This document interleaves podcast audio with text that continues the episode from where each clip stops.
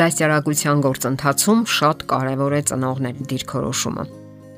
Հաճախ հիմնախնդիրներն առաջանում են այն պատճառով, որ ծնողները հակադիր հայացքներ ունեն երեխայի դաստիարակության հարցում։ Ծնողներից մեկը կարող է լինել խիստ եւ բռնակալ, մյուսը ավելի հավասարակշիռ եւ հանդարտ, պակաս խստապահանջ։ Իհարկե դժվար է հանգիստ մի կողմ քաշվել, երբ ձեզ թվում է, թե ձեր կողքինը սխալ է դասյարակում երեխային, բայց ձեզանից հենց դա էլ պահանջվում է չմիջամտել։ Ծնողները չպետք է հակադրվեն միմյանց, հատկապես երեխայի ներկայությամբ։ Երեխային անհամեմատ ավելի մեծ վնաս կպատճառեք, եթե նրա ներկայությամբ սկսեք վիճել այդ մասին։ Եթե դուք համաձայն չեք ձեր ամուսնու գործողություններին կամ խոսքերին, ապա խոսեք նրա հետ առանձին եւ ոչ մի դեպքում երեխայի ներկայությամբ։ Որքան էլ ծնողները տարբերվեն միմյանցից իրենց խառնվածքով, շփման մեթոդներով եւ հակազդեցությամբ, նրանց զավակը արագ սովորում է այսպես կոչված ճիշտ զրուցել նրանցից յուրաքանչյուրի հետ։ Նա արագ յուրացնում է, թե ով է խիստ եւ ով է մեղմ, ապա համապատասխան ձևով կարգավորում իր վարքագիծն ու հակազդեցությունը։ Չնայած ծնողները կարող են դասերակցության տարբեր մարտավարություն կիրառել, երեխան ձգտում է հարմարեցնել իր վարքագիծը։ Ընդհանուր առմամբ նա բնականon կմեծանա, եթե միայն յուրացնի, որ ծնողները միասնական են։ Իսկ եթե հասկանա, որ կարող է բաժանել ու տիրել, ապա ավելի շուտ իր այդ հետևությունը կօգտագործի ծնողների դեմ։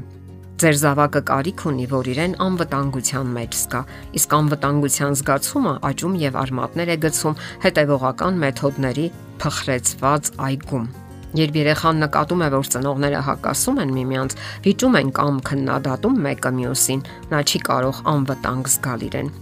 Այն ծնողները, որոնք փորձում են գործել համատեղ եւ միահոգի, պետք է հիշեն այս նշանաբանը. միասնականության մեջ մեր ուժն է, բաժանության մեջ մեր անկումը։ Երեխային հարկավոր է դասյարակել սիրո մտնոլորտում։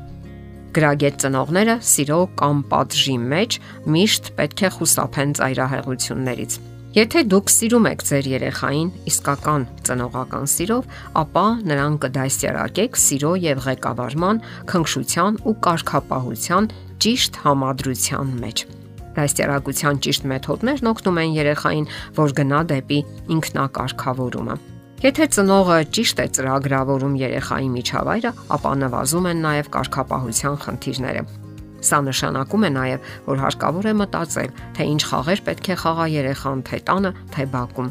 Դպրոցում ստացած կրթությունն անշուշտ կարևոր է, սակայն ոչ պակաս կարևոր է այն, թե ինչ է սովորում երեխան տանը։ Եթե ձեր տունը նման է թանգարանի եւ այնտեղ շատ են մեծահասակների համար նախատեսված առարկաները, որոնց երեխան իրավունք չունի դիպչելու, ապա լուրջ հիմնախնդիրներ կունենաք։ Ծնողները պետք է ձգտեն թե տանը, թե դրսում երեխայի համար ստեղծել անկաշկանդ միջավայր։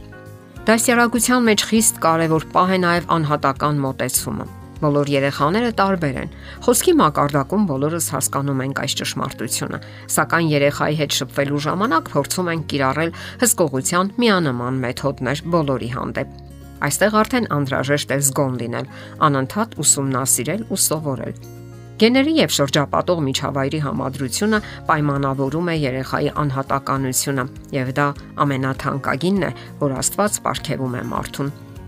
Օրինակ, լրակյաց հեշտ վիրավորվող երեխայի հետ հարկավոր է այլ կերպ վարվել, քան աղմկարար ու շարժուն երեխայի հետ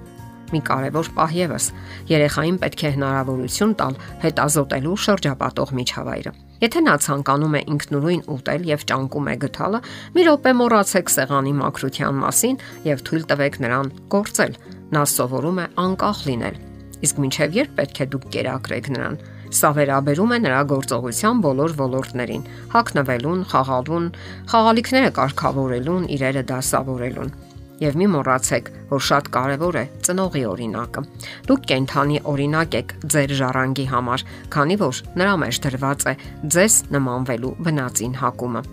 Մեր վարքագծի անխոզ լեզվով մենք երեխային ենք ներարկում դրական կամ բացասական գծեր։ Եթե դուք քաղաքավարի եք, կենսուրախ, երեխան նույնպես այդպեսին կմեծանա։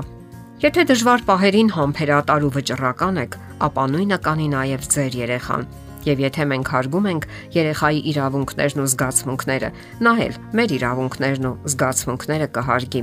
Ուզենք թե չուզենք, մեր լուր դաստիարակությունը դրսևորվում է նաև նրա կյանքում։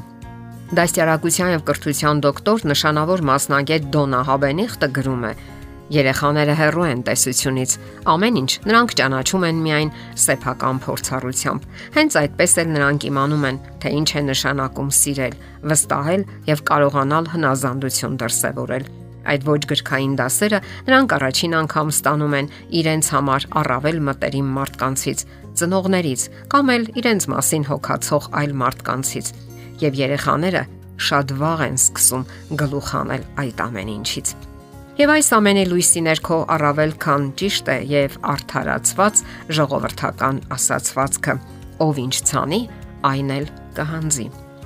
Եթերում ընտանիք հաղորդաշարն է։ Հարցերի եւ առաջարկությունների համար զանգահարել 033 87 87 87 հեռախոսահամարով։